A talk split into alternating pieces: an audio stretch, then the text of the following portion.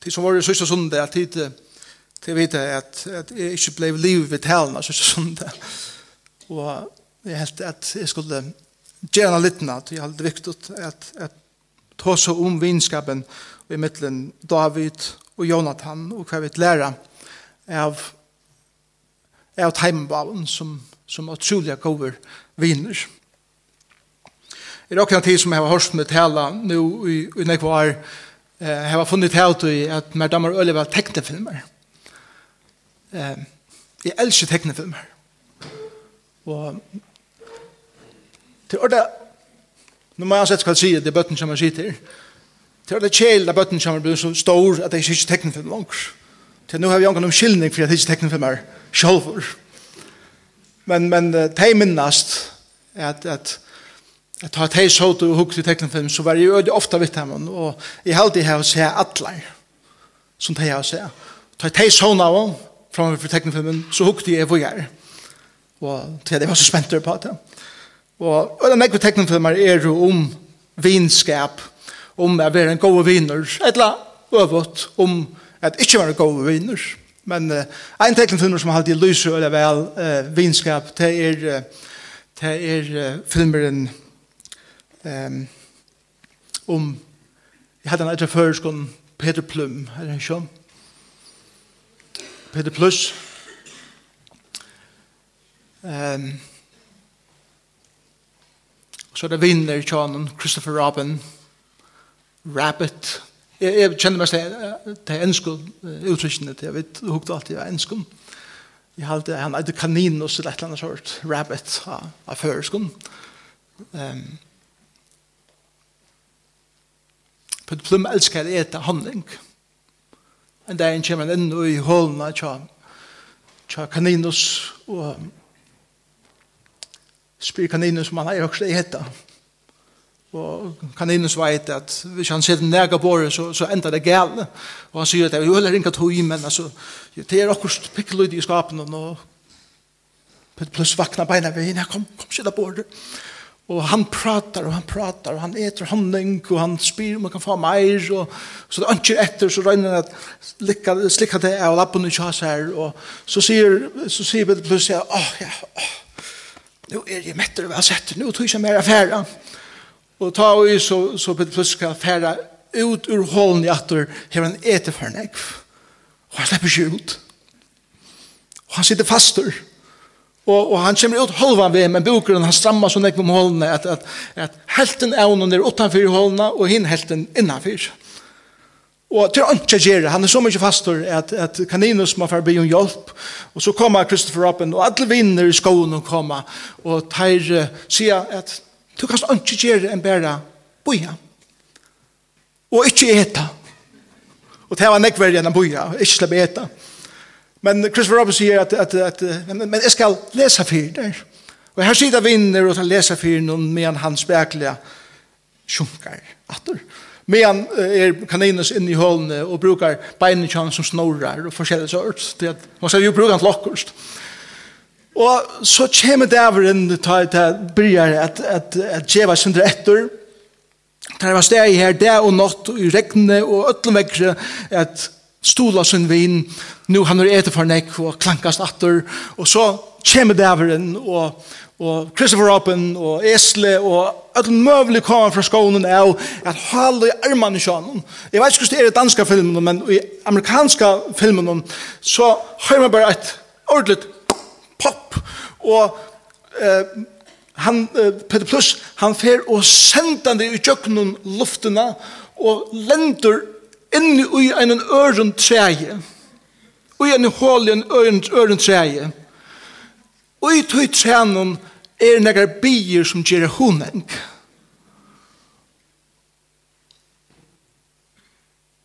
Og han står gleist, og han byrja at teka håndna nir honengen, og køyre opp munnen atter, medan teistan til her og huksa, Vi tar strust i alle disse dina hjelpa der, og to poppar ur hålene bænt inn i en æra og eta meir.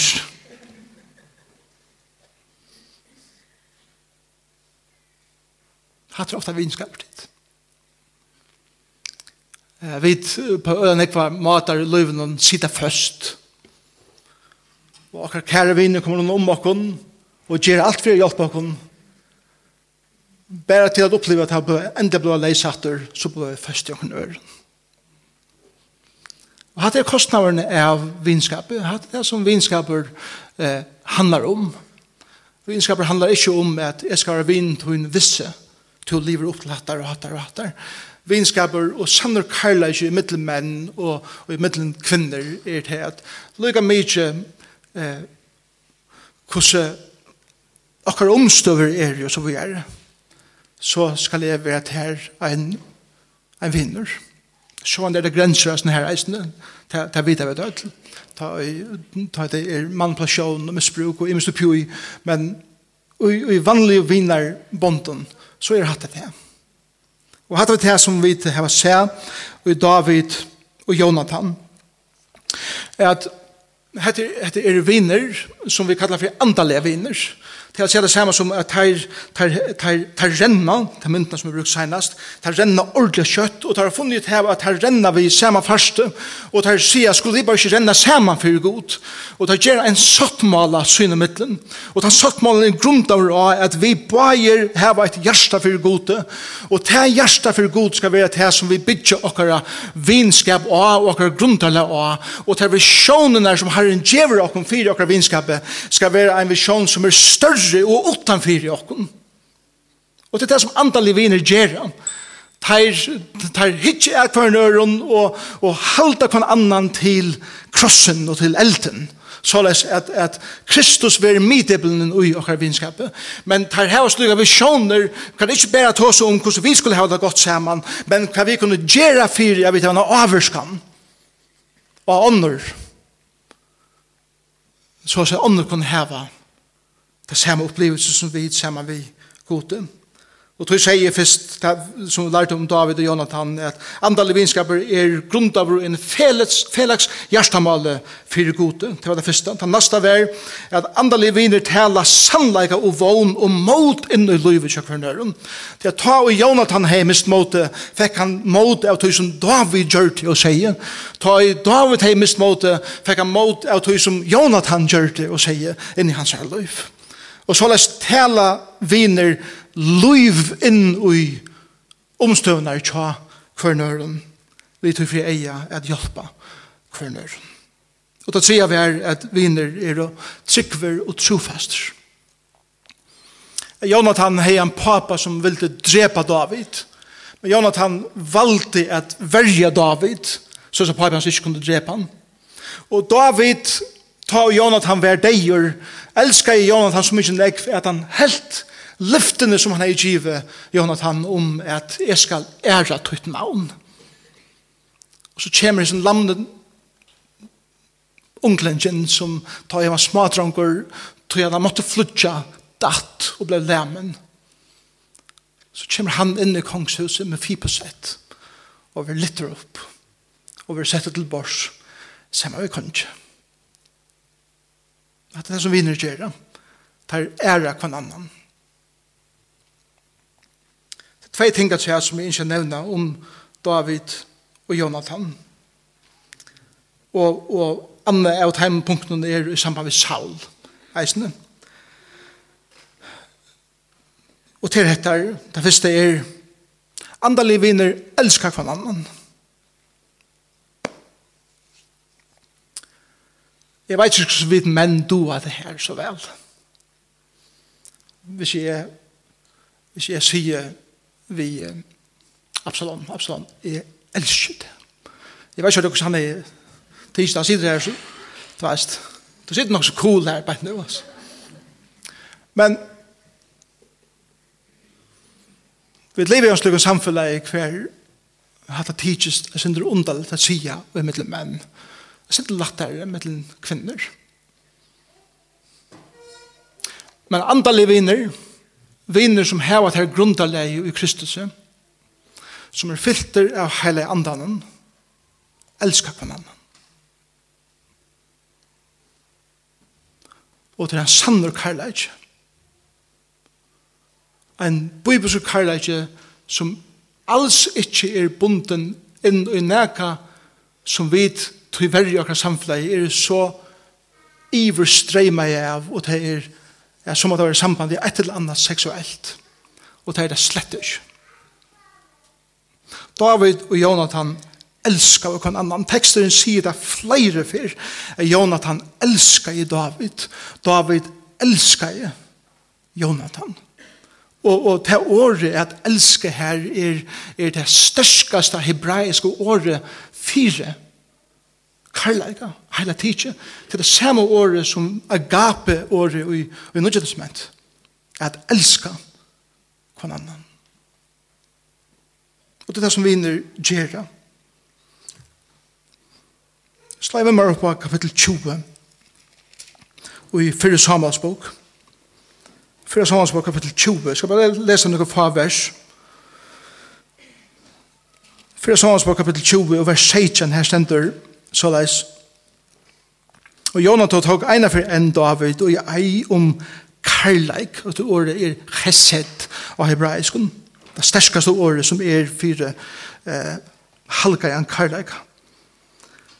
Ei om karlaik søgn til hans herre tog han elskar i ham som sinne egna sal. Og så er det eh, vers 3-4 i samme kapitlet. Eh, Legg meg ikke til hva, hva vi sitter her i midten her på her. Eh, en, en liten hending vi en drønge som skulle sende en pøl og sånn, at det var et, et eller annet signal om David var vant for Saul eller ikke. Men så sender du i vers 41, ta i drønge var ferden, restes David sunna for steinen, og han fattla andet sutt til gjerrar, og bøkte seg trutjaferer, og tar kysto for annan og gråto saman. Jeg elsker så at her, David græt harsht. Titt menn, vi skiljer oss det her. Vi er det mer så. David græt harsht. Han, han var ikke bensje for at, at vysa sine kjensler for hans mannen som han elskar og medelig høyt. Så igjen sier Jonathan vid David, fær i frie.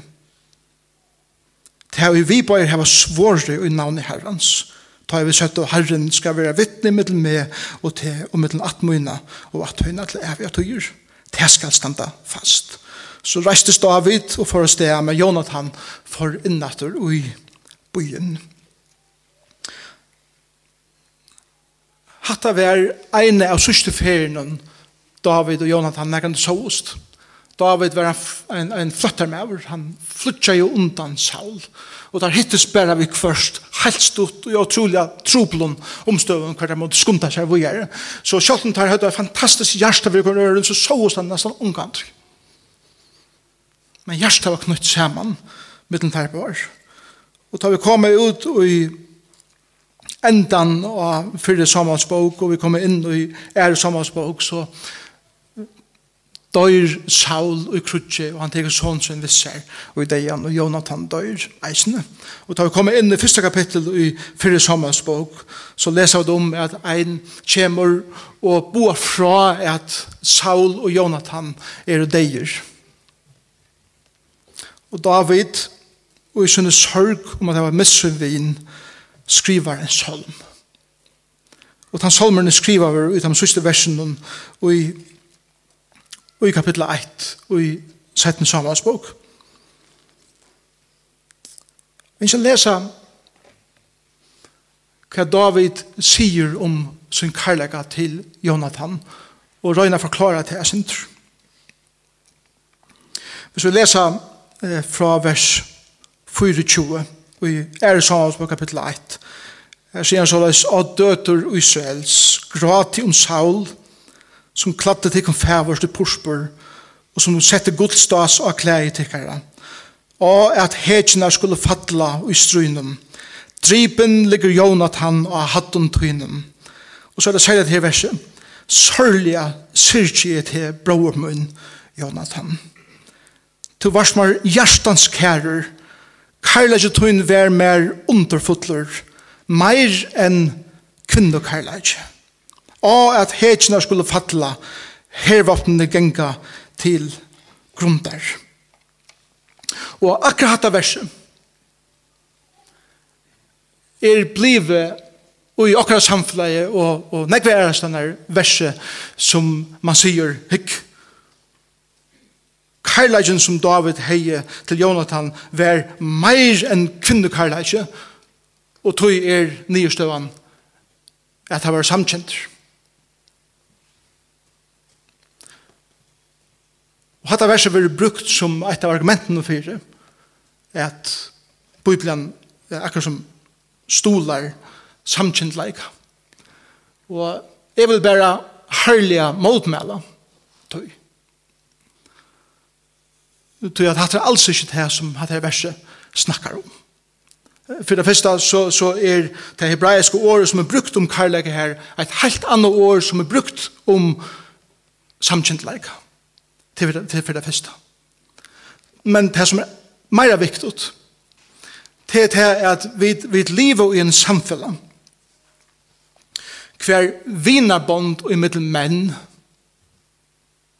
som er så djup som våre mellom David og Jonathan slett ikke eksisterer langer. Vi har noen kategorier fire hatt slag av vinarbånden langer. Så jeg vet livet i en slik en sexadurera av samfunnet er at alt som vi er forbundet vi utrolig djupar kjensler og i middelen men vi så samabundet vi er så mot her tog i verden. Men vi mangler hessa kategoriene og i en samfunn som er vidtje fra hesson er at menn kunne være så gode viner utan neka som helst at det kommer iver ut til seksuella, eller neka og tog eller hinvegin. Men uh, dømes som heter Tim Keller sier at det typiske argumentet er, er øyliga kinsorientera, tog at vi har ikke lykka store trobleikar at hvis vi var låset her at tver vinkkonner hadde slik kan djupan karlæka. Men så kjør som det blir menn, så skal det setas til en bas. Det er ikke vi til å gjøre. Jeg halte at det som det lærer okkon er hettar, og jeg hukte eisen at hebraisk år, hebreiske åren er at eh, meir enn kvinnekarrasje, det betyr ikke at det betyr å være nekka som er større, eller bedre, eller gypre, det betyr bare at det er nekka som er annerledes, og jeg fager nekka her som jeg ikke fager og i mine samband med mine kone, hvis jeg er menn som er vinner. Det er det samme som at onno er videre gift, og vi har et utrolig djupt, intimt samfunn vi kan annan, som eisne er seksuelt. Men jeg har noen ordentlig gode vinner, som er meg så mye nær, at jeg får noen ting her, som onno er ofte snakker om. Det er noen som menn har, va? saman, eller nekka som kvinner heva saman, som ikkje er forbundet i öll hei tingene, men som er forbundet i hettar, at vi heva et felags ahoamal. Hon er min beste vinner, men hon er ikke min einaste vinner. Hon er min djubaste vinner, men hon er ikke min einaste djupa, djupa vinner. Og det som her lærer okken er at vi må komme iver i en kategori og i, i sankum i høpe at vi tårer å si at jeg har så mye innelig samfunn vi er en bror jeg vil har noe særlig sammen. Et eller annet kvinne sier jeg har et særlig samfunn vi er en kvinne som gjør det at vi har noe særlig sammen. Men det er ikke forbundet ut det som samfunnet man kan ha hova forbindet ut. Og det er det som jeg hadde nødt til å lære dere og trolig er greit eisen, at det er møvelet og i det fyrir okken at skapa det kategorien av nødgjøren er at vi kunne sija jeg elsker det og jeg føler det her velje i hjertan til at det er det som Jesus ber okkun gjerra til han sier nødt bo gjer vi tikkun at det elska og til året gape til det samme året som er hebraiskun Chesed at vi elskar kvann annan. Og, og vi heva så nekv, nekv matar som tever gjørst på nødvendig. Jesus sier, elskar kvann annan. Bege fyre kvar nøren. Bere hvers annars birar. Jotte sindene fyre kvar nøren. Og så vi er. Og, og til dømes at her er jotta syndene for kornøren. Det betyr ikke det at nå skal vi ha jotta når møter, vi får ødla jotta syndene for kornøren. Det er vel kaos. Men det betyr Hever du en person, eller mulig tveir personer i tunn løyve, hver du kan være så åpen og så ærlig og så innelig at du tår å sette navn av tunne synder som du ber deg på. Men du veist at du er trykker, at du er trygg her. Til hatta slæge av vinskapet som David og Jonathan høtt. Og til hatta slæge av vinskapet som vit her av vi heilandans kraft møvelige, eller møvelige at jeg praktiserer i akkurat vinnerbånd. Samkomma er til det. Jeg vil være vinner. Jeg kommer så nær at det tar en sånn år av noen ting. Og korsene er vil være elskaver. Ja, tog inn i ferien. Men jeg ønsker at, at, at nevne et annet punkt der. Og til er heter vi først, så røkker vi inn i kjelten. Vi først røkker vi inn i kjelten. Og her husker vi om Saul. David klarer jeg ikke å bjerke Jonathan fra Saul. Saul var altså ikke en viner ved sin sånn. Saul var ein vemmeligur, manipulerande konger som er leie Israel og utrolig enn ekon hatt.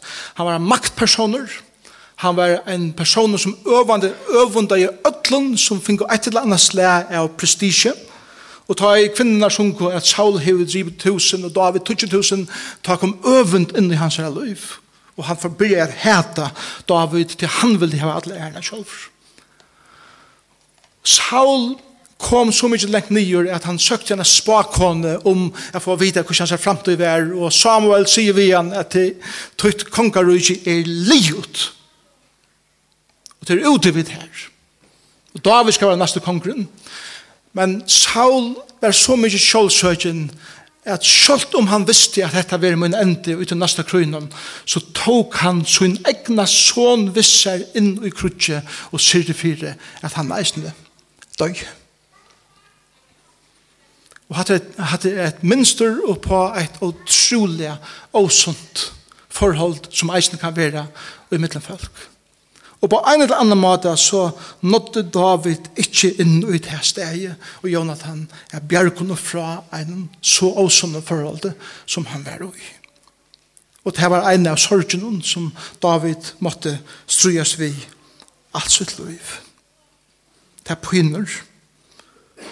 Ta i vinskaper ikke røkker helt inn. Men det viser reisende til at vinskaper hever sånne avmersinger. Og vi kommer her til hver mamma sier, men jeg er arbeid av meg selv jeg ber det aller sørste, og det sørste arbeidene og i min liv. Så, la meg enda vi er noen helt favon punkten. Tjon for det første. Jeg vågner at hun tjonafella er sin beste viner. Og at tekkar tjonaband ikke er tjonaband kan det bare ta som rockningar og ta seg om badnoppealing og ta seg om praktisk ting som skulle gjeras, men at det veldig er gode viner og til stuttlega det kan saman og til fera saman og til njóta løyve saman.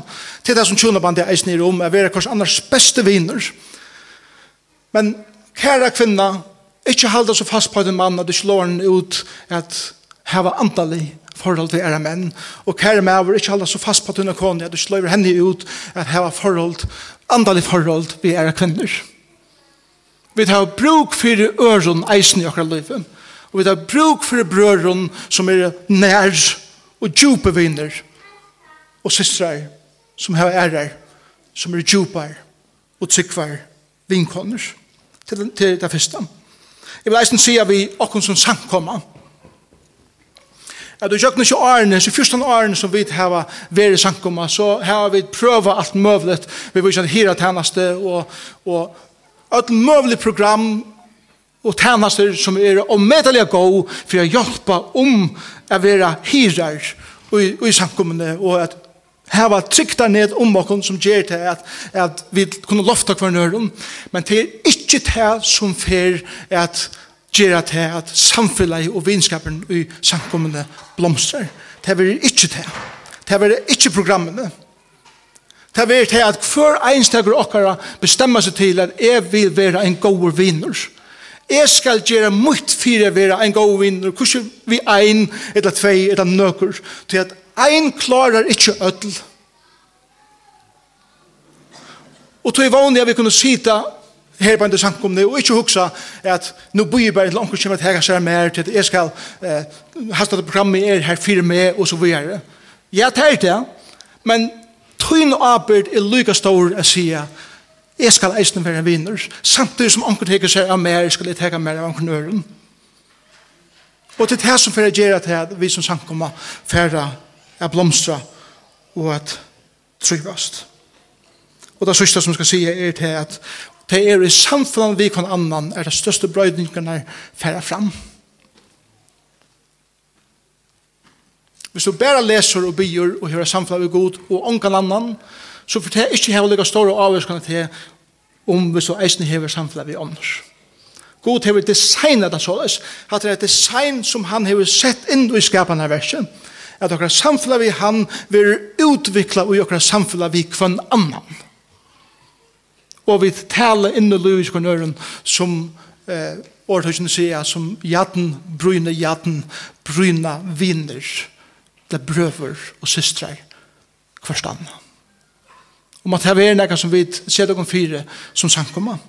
Og måtte det være som vi endte kanskje et godt samtale evne og i middeltikken kære og andalige brøver at hos om hvordan vi blir enda bedre og gypri antallig brøver og tid systrar.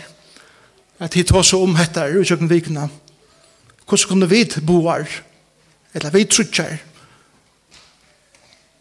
komme enda gypri inn i et antallig samfunn vi kvar er. Så så vi kunne få en nek større visjon enn det som vi lever på ennå. Jeg vil gjøre hatar. Jeg do det ytla. Men hatt det som er innas inni min hjärsta velje innskje at du var at gjøre betre. Og måtte du øtl hjelp hver nøren at gjørs det. Ja. Arne Bier så vil si etter reisende. At din beste vinner er Jesus Kristus.